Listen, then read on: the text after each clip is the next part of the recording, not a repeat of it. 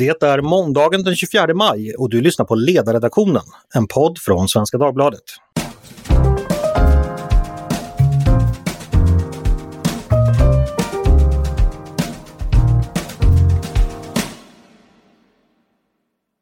Ett civilt passagerarflygplan på väg mellan två EU-huvudstäder tvingades igår att landa när den passerade genom, genom belarusiskt luftrum. Nere på marken bordades planet och den oppositionella belarusiska journalisten Raman Pratasevich greps och fördes iväg. Denna alarmerande nyhet nådde oss igår. Vad betyder den här kapningen utförd av den belarusiska regimen? Hur kunde det ske och vad sker nu? Vad kommer hända med Pratasevich och hur har omvärlden agerat? Med mig för att prata om detta har jag Patrik Oksanen, journalist och medarbetare på ledarsidan, också fellow vid Tankesmedjan Frivärd. Välkommen Patrik! Tackar, tackar! Och så har vi Stefan Eriksson, diplomat, tidigare Sveriges ambassadör i Belarus. Välkommen du också Stefan! Tack! Och så har vi med oss Gustav Göthberg vid Jan Hjalmarsson-stiftelsen, Moderaternas internationella stiftelse. Välkommen Gustav! Tack, tack! Själv heter jag Andreas Eriksson. Det som skedde igår, om vi går direkt på sak. Hur allvarlig och uppseendeväckande är den här episoden? Eh, om vi börjar med dig Patrik. Den är oerhört allvarlig, den är väldigt uppseendeväckande. Det här är ett steg till i den normförskjutning vi har fått se de senaste åren i de, i de internationella relationerna. Där eh, respekten för, för regler eh, kastas ut genom fönstret och där auktoritära stater på olika sätt överträder det här gång på gång på gång. Eh, men det här skulle jag hävda är då ytterligare en steg i den, den skalan och eh, på det här sättet ett, eh, EU, eh, ett EU-flygbolag på destination mellan två EU-huvudstäder blir kapat av en stat, av dess säkerhetstjänst, eventuellt med rysk hjälp. Och så går också stridsflygplan upp. Det, det är oerhört. Stefan, eh, du är ju diplomat och väl förfaren i umgänget mellan stater. Det här som Patrik beskriver, att ett civilt passagerarflygplan tvingas ner. Hur ovanligt och unikt är det och hur allvarligt ser du på det som har hänt? Ja, mitt intryck, eh, jag håller med eh, Patrik, att det här är, är, är mycket ovanligt. Eh, det är klart, det, det förekommer, det finns ju incidenter där eh, civila passagerare till och med har skjutits ner av, av militär eh, i olika situationer. Vi har det malaysiska planet, eh, vi har Iran som sköt ner ett ukrainskt plan sådana misstag eh, händer givetvis. Eh, men, men det här är ändå eh, ganska unikt. Jag har sett att man i ryska media gör jämförelser med vad som hände då den bolivianske eh, presidenten eh, eh Evo Morales som, som eh, eh, tvingades gå ner i, i Österrike, i Wien Eh, efter misstankar då att, att Snowden skulle ha befunnit sig ombord på det planet. Jag, jag tycker inte den jämförelsen är, är riktigt relevant. Man, man, kan ha synpunkter på det säkert också, jag har inte riktigt alla detaljer i det. Men, men generellt så, så är det ovanligt. Det, det finns dock en, en oroväckande tendens och, och jag menar, vi har ju sett att, att länder eh, också kidnappar sina medborgare som befinner sig i andra länder, eh, inte bara på, på den europeiska kontinenten men just i fallet Belarus och bara för några ja, veckor sedan eller en månad sedan så kidnappades politologen och litteraturvetaren Alexander Fedota i Moskva eh, eh och eh, togs till, till Belarus där han då nu sitter fängslad och anklagad för, för eh, eh, diverse då saker, uppvigling och, och, och så vidare. Mm. Eh, om jag får flika in där om, om Evo Morales så ska man komma ihåg att det var ju då ett bolivianskt eh, statsfartyg som det då heter terminologiskt som, som nekades tillträde till en rad länders luftrum och därför fick man gå ner och landa då i Wien. Eh, och det fanns ju då misstankar om att han hade Snowden ombord och därför nekades han då tillträde till bland annat eh, franskt eh, eh luftrum. Eh, så att den händelsen som, som Ryssland nu använder för att försöka säga att ja, men ni är lika goda kålsupare, ni är väst, den är inte alls jämförbar. Just det. Gustav, vad tänkte du när du hörde den här nyheten? Var det någonting du hade förväntat dig att den belarusiska regimen skulle kunna göra? Nej, det var det i grund och botten inte, utan jag blev väldigt förvånad när jag först fick se telegrammen som kom om detta och sen så var det väl en fråga om minuter innan det hade sjunkit in och omvärldens reaktioner också kom väldigt snabbt på detta.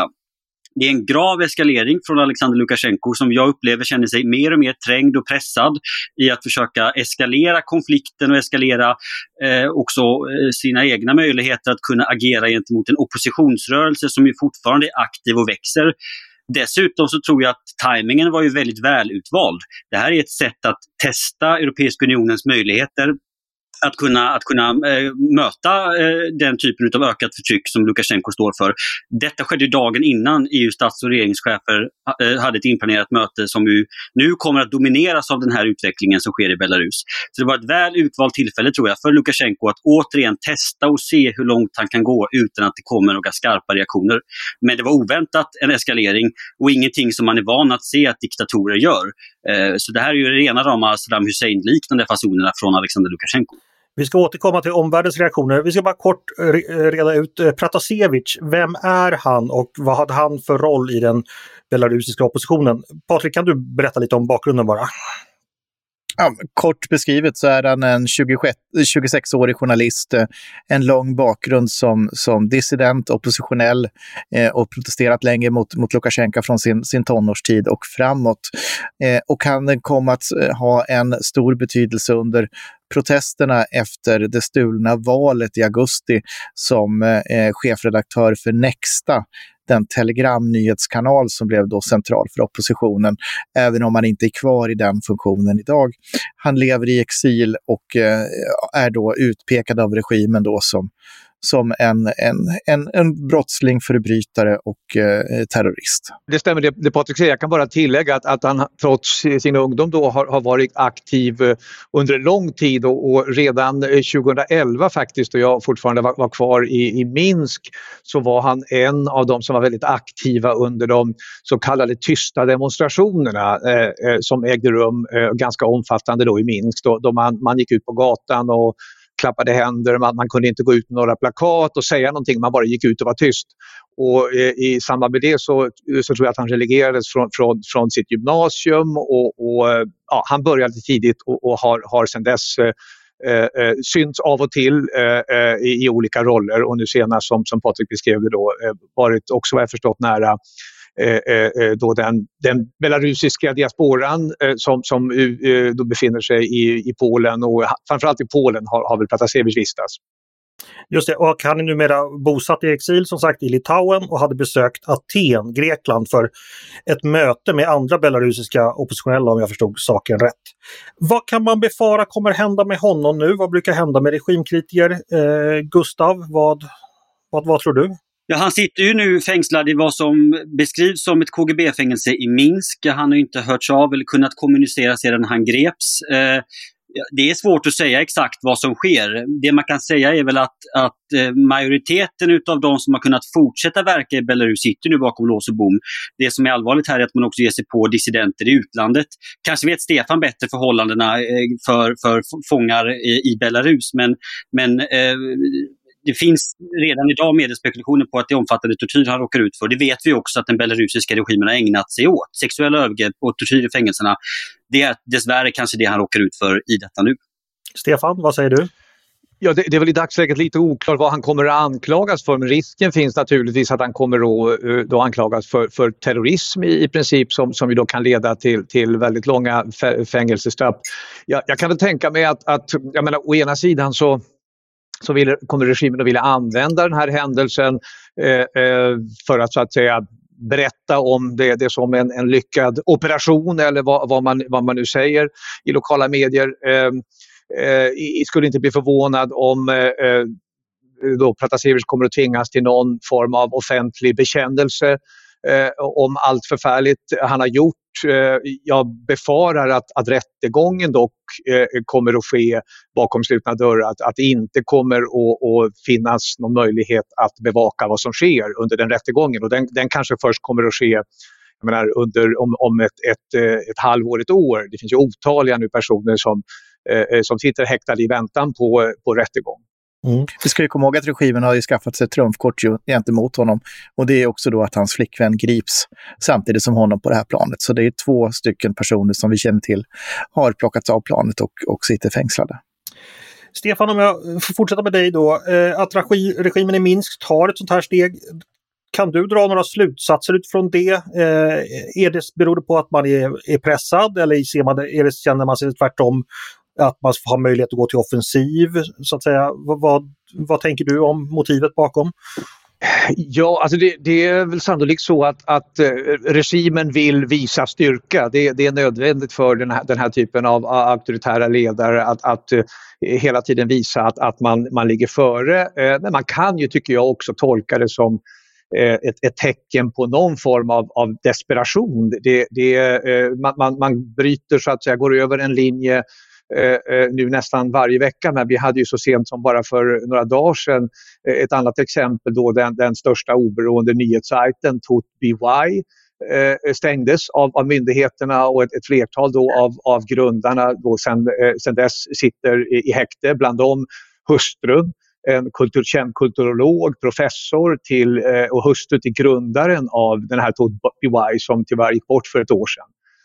Eh, vi, vi, hade ett annat exempel i, i, i veckan som regimen kanske ja, har haft mindre kontroll över. Det, eh, ingen vet hur det går till men en, en aktivist då, som suttit fängslad i flera månader, eh, eh Vitold eh, Ashurak, eh, dog eh, enligt regimen då av, av hjärtproblem. Men eh, detaljerna om detta vet idag ingen någonting om. Mm. Det har idag i internationella medier spekulerats en del eh, att eh, en sån här aktion måste ha godkänts av Ryssland eller till och med att eh, Ryssland har varit initiativtagare till den. Eh, om jag vänder mig till dig Patrik, vad finns det att säga om Moskvas roll? Vi vet ju ingenting säkert, men vad kan man anta att eh, Moskva har spelat för roll i det här? Min bedömning är att en sån här operation eh, har skett med Moskvas godkännande. Eh, det är min bedömning. Åtminstone ett, ett tyst godkännande.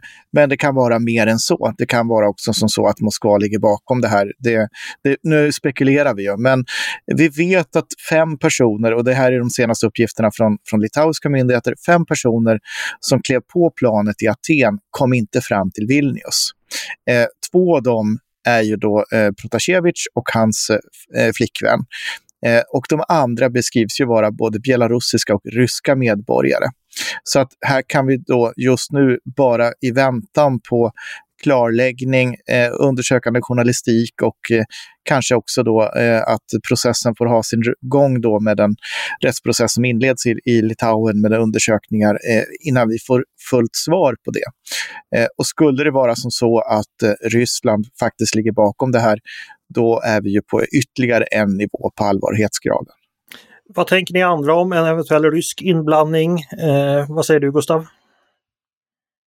Nej, jag delar Patriks bild eh, i detta och man ska komma ihåg också att hade Lukasjenko varit ute efter att ha bort denna kritiker, då hade det varit ganska enkelt antagligen att förgifta eh, honom så som man har gjort med andra regimkritiker i, i Ryssland. Eh, detta är ett sätt för Lukasjenko, som, som Stefan också var inne på, att visa någon slags styrka som, som despot. Det är att kunna plocka ett, ett, ett plan mellan två EU-länder.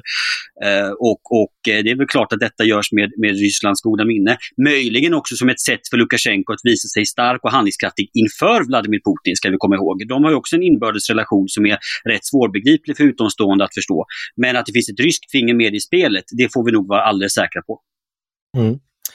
Eh, reaktionerna har förstås inte låtit vänta på sig från omvärlden. Eh, vår utrikesminister Ann Linde hon twittrade eh, på engelska och kallade det för “outrageous step by Belarusian authorities” och eh, krävde då också omedelbart att eh, Pratasevich omedelbart ska, ska friges. Eh, på EU-nivå har man också fördömt aktionen. Hur bedömer du de eh, diplomatiska svaren från omvärlden än så länge, Stefan? Hur, eh, hur eh, hårda är de? Och kommer de bli hårdare? Vad tror du?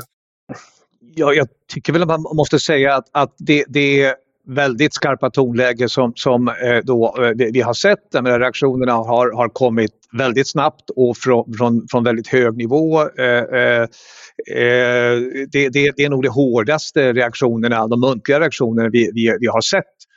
Jag menar, det har det har förekommit andra saker som vi vet tidigare som omvärlden också har reagerat på men, men det här, det här har, har gått mycket längre.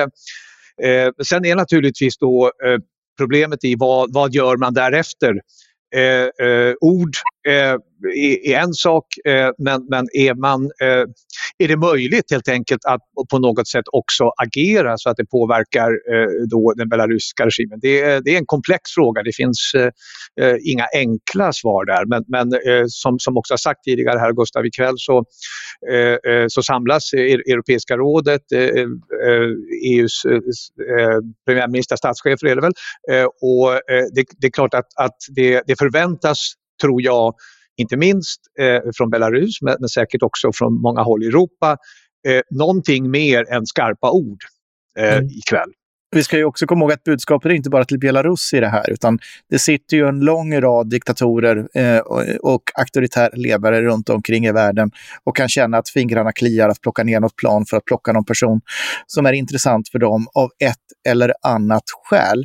Eh, och därför så är ju också signalspråket blir ju även till, till Beijing, eh, till Moskva och till, till, en rad andra länder att eh, eh, för de kommer att titta väldigt noga på vad händer konkret. Är det som det brukar vara, om jag raljerar lite grann, att EU-länderna eh, och EU-ledarna, eh, de är bra på att snacka, men när det kommer till verkstad så, så blir det rätt hanterbara saker ändå den där verkstaden, vad skulle den kunna bestå av för ytterligare åtgärder så att säga bortom det rena fördömanden? Det finns väl en, ett batteri med olika åtgärder det spekulerats om.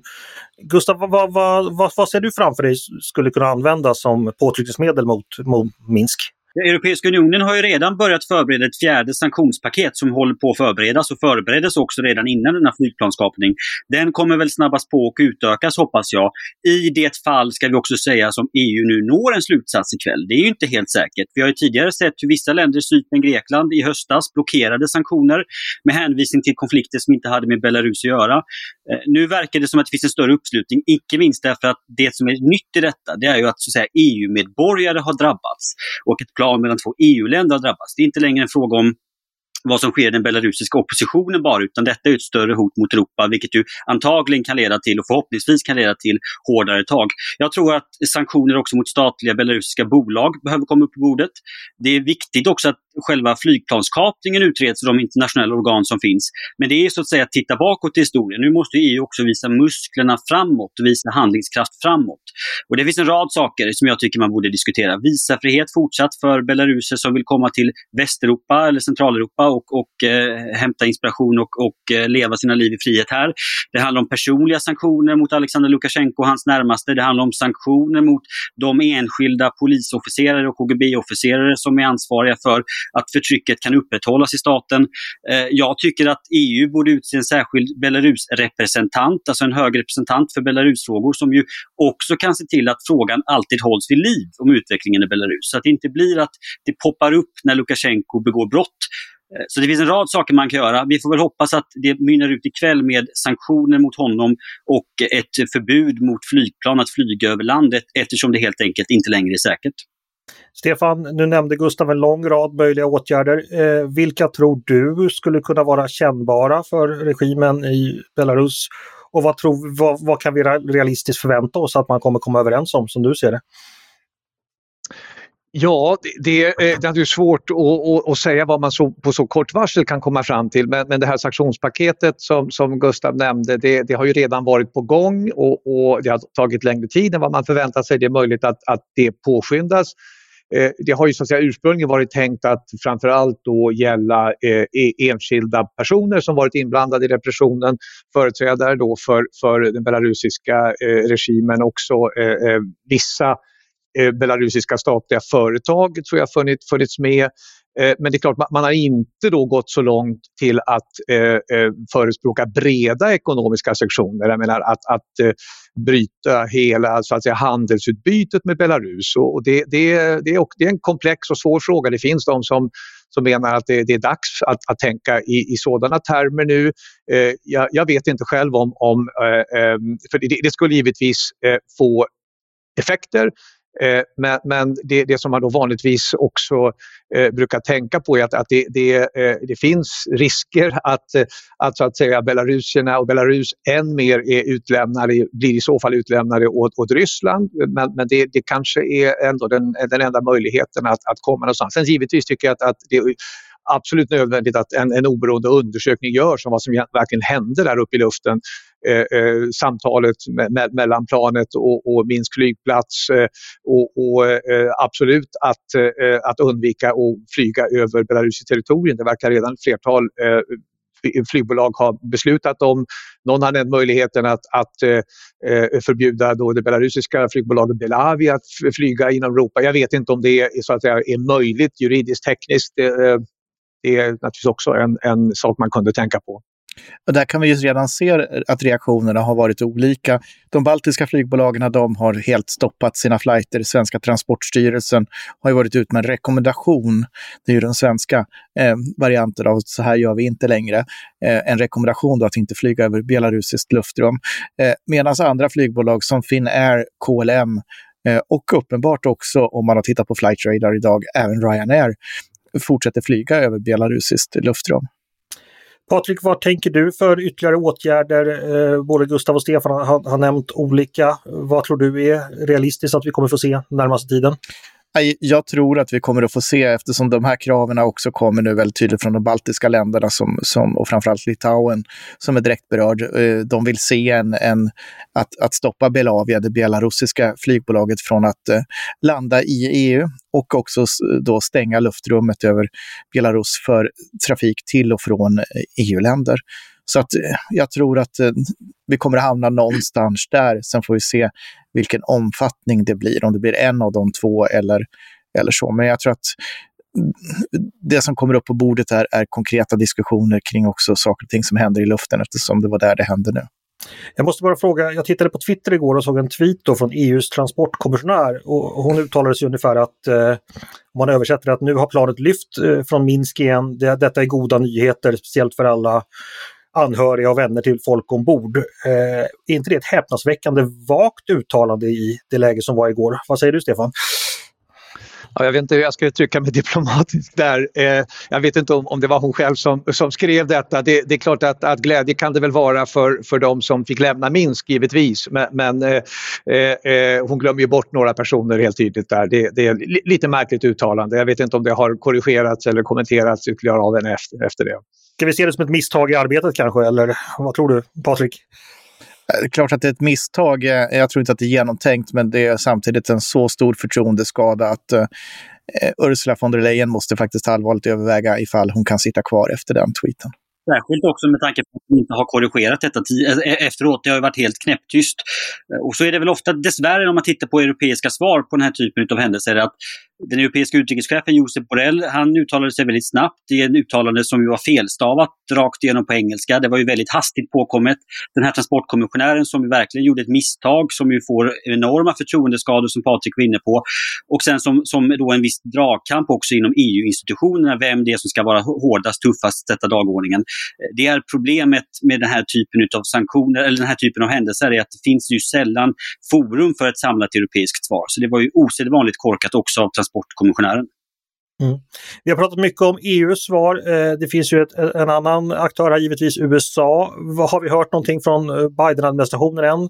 Och hur, viktigt, hur betydelsefullt är reaktionen från Washington? Vad säger du Patrik? Ehm, jag har inte sett eh, i detalj exakt hur USA har reagerat, men annat än, än fördömande. Men jag tror att den här frågan, den skulle ju även lyftas i NATO-kretsen och jag har svårt att tänka mig att NATO-länderna kommer att se mindre allvarligt på det som, som har hänt än någon annan.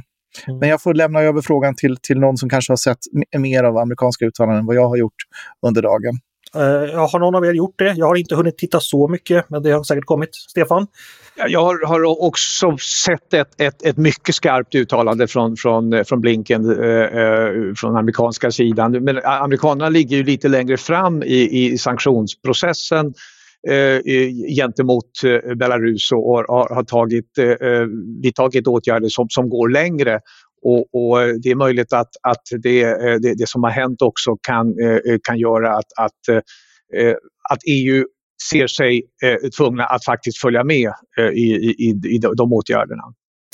Tänkte bara om man ska lyfta det här ytterligare till, flera av er har varit inne på det, men på ett principiellt plan det här med att man ger sig på civil luftfartstrafik. Eh, någon nämnde också episoden i Ukraina eh, 2014 när ett eh, passagerarflygplan sköts ner där av, eh, eh, av, av luftvärn helt enkelt. Alltså att om vi skulle börja få en värld där, eh, där diverse regimer kan tvinga ner eh, civila flygplan, det blir ju en det är en enorm förskjutning bort från den världsordning och den, eh, det regelverk vi har, vi har vant oss vid de senaste decennierna helt enkelt. Alltså, hur pass allvarlig skulle en sån förändring vara? Eh, om vi tänker oss, dra den till sin spets så att säga. Vad, vad säger du Patrik? Nej, men det här är oerhört allvarligt och det här är också en varningssignal och en, en skräcksignal till, till egentligen alla eh, som lever i exil, eh, som är, är dissidenter, politiska flyktingar, men även de som, som sitter på, på kunskap och, och saker och ting som andra länder skulle vilja ha av någon anledning. Eh, vi ska komma ihåg att redan idag så har ju den svenska försvarsmakten reserekommendationer som rekommenderar sin personal att inte besöka Ryssland och Kina. Eh, och i förlängning så kan man då börja tvingas göra rekommendationer och se över vilka flygrutter ska man flyga mellan två länder. Du kanske inte alls ska besöka något land, men, men vissa länder på listan kan du inte ens flyga över om du har vissa jobb och befattningar. Eh, och som du är inne på då, det är ju en, en hel omkastning av, av den internationella flygbranschen om det, om det här skulle bli normen. Eh, en flygbransch som redan är, är hårt pressad av, av pandemin.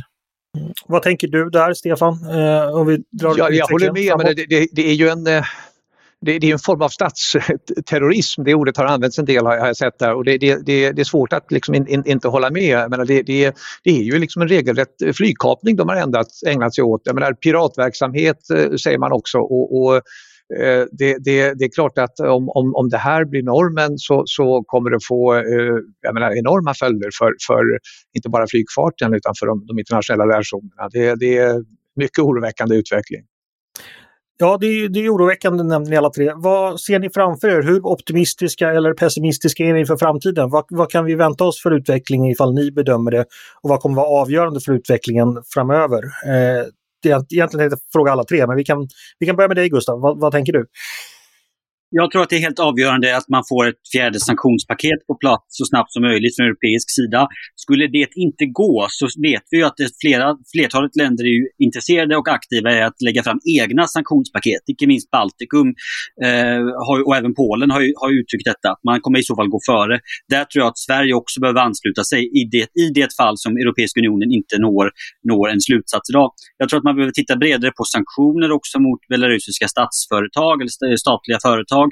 Eh, man behöver titta på detta med, med eh, flygbegränsningar över belarusiskt luftrum. Men också stöd, fortsatt stöd till den belarusiska, eh, demokratiska Belarus ledare Svetlana Tikhanovskaja och hela det arbete som hon och eh, den rörelse hon leder bedriver. Där behöver vi vara ännu bättre från omvärldens håll i att stödja eh, monetärt, Eh, moraliskt, hjälpa journalister som verkar utifrån eh, för att påverka utvecklingen i Belarus. Så att det är både så att säga hård piska mot Lukasjenko men en rejäl näve morötter till de modiga människor som fortsätter kämpa.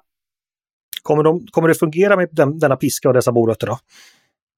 Men det har inte fungerat hittills och det är antagligen för att piskan inte har vinit så hårt över Lukasjenko. Jag menar, eh, det har ju varit, det varit diskussion hela höst, under hela hösten huruvida man skulle, överhuvudtaget skulle rikta sanktioner eller inte och sanktionspaketet från Europeiska unionen blockerades av flertalet medlemsländer. Bland annat Grekland som ju nu planet kom ifrån. Eh, så att det har ju verkligen visat sig nu att eh, det är viktigt att man, man steppar upp gentemot Lukasjenko. Jag tror också att det är, det är signifikant på ett sätt med tanke på det att han, detta skedde då dagar innan Europeiska rådet skulle mötas. Han vill nu testa den europeiska svarsförmågan. Då måste den europeiska svarsförmågan vara hård också. Eh, tillsammans då med fortsatt brett stöd. Eh, och Svetlana Tikhanovskaja och hennes medarbetare och hennes rörelse, de fortsätter ju oförtrutet sin, sitt arbete. Eh, och för det så förtjänar de i hela omvärldens stöd fortsatt. Eh, Patrik, samma fråga till dig. Hur kommer det här gå egentligen? Ja, om jag lyfter perspektivet då och, och tar den bredare bilden. Eh, Gustav sammanfattade väldigt väl eh, läget i Belarus tycker jag. Men, men om jag zoomar ut det och eh, tittar på den här trenden att internationella regler eh, sätts åt sidan av olika stater, att förtroendet för internationellt regelverk eroderar, så är det här en utveckling som har pågått ett tag. Det kommer att fortsätta pågå. Det kommer att bli värre. Det kommer att bli sämre. Eh, och det kommer att komma mer utmaningar. Och enda sättet att få det här att gå över så småningom och det vara just så uthållig med piska och morötter och att demokratierna håller samman i det här och markerar eh, vad som inte är eh, acceptabelt och, och klarar av att hålla samman. Att inte splittras så som vi har sett EU-familjen till exempel göras gång på gång. Eh, det är helt avgörande. 20-talet kommer att fortsätta vara stormigt. Jag är rädd för att det här inte är den sista händelsen vi kommer att få som vi kommer att tycka är helt uppseendeväckande, häpnande och farlig. Och slutligen Stefan, eh, vad tänker du om framtiden? Ja, alltså, jag, jag tror att eh, det moraliska stödet, att visa solidaritet även med ord, det har absolut betydelse också. I, idag så har man i Riga, eh, där det spelas ishockey-VM just nu, faktiskt bytt ut den eh, ja, Lukasjenkos flagga då till den eh, eh vitrödvida eh, nationella belarusiska flaggan på, på eh, ett, ett torg. Eh, givetvis sanktioner som, som känns eh, eh är viktigt men jag, jag tror kanske framförallt är det viktigt, någon av er var inne på det, så, så gäller det att, att undvika att eh, drabbas av den, den här eh, Belarus-fatigen. Alltså att säga Eh, eh, tappa hoppet om att förändring är möjlig. Eh, eh det, det, så har skett un, under den långa tid som, eh, som Lukasjenko nu suttit vid makten. Eh, vi är väl inne på ja, 27 året. Eh, så så det, det gäller att, att hela tiden uppmärksamma, inte acceptera det som sker. sen vad, vad som till sist blir avgörande då för en förändring, om, om omvärlden kan få regimen att förändras eller att försvinna, det det vet vi inte idag. Framför allt så är det givetvis belarusierna själva som, som måste vara uthålliga och, och som måste eh, eh, eh se till att, att eh, eh få leva på, på ett annat sätt än de gör. Eh, men, men de, de förtjänar eh, allt vårt stöd i den här processen och, och eh, om de nu har drabbats av, av en, en motgång, ja protesterna på gator och torg har minskat så, så, så, så, i den situationen är det viktigt att, att vi in, inte dra slutsatsen att, att nu är vi tillbaka på ruta noll, för det är vi inte. Det har, skett stora förändringar i det belarusiska samhället vill jag hävda under det här halvåret. Det, det har skett en, en, en breddning av de eh, proteststämningar som, som, eh, eh, som även under lång tid funnits i samhället. Idag så, eh, ja, ingen vet hur många, men att, att det är en majoritet som vill se ett annat Belarus, det är jag helt övertygad om. Och om jag får slänga in ett sista tillägg där så, så ska vi inte heller glömma bort kopplingen till Ryssland i det här, därför att för Putin-regimen så är det belarusiska frihetskampen, demokratikampen, det är ett direkt hot mot, mot Putins makt klick i Kreml. Eh, och på det sättet så hänger de här frågorna ihop. Eh, och det är kanske det som är den största tragedin och utmaningen för Belarus, att hantera just den här, eh, det ryska intresset i situationen.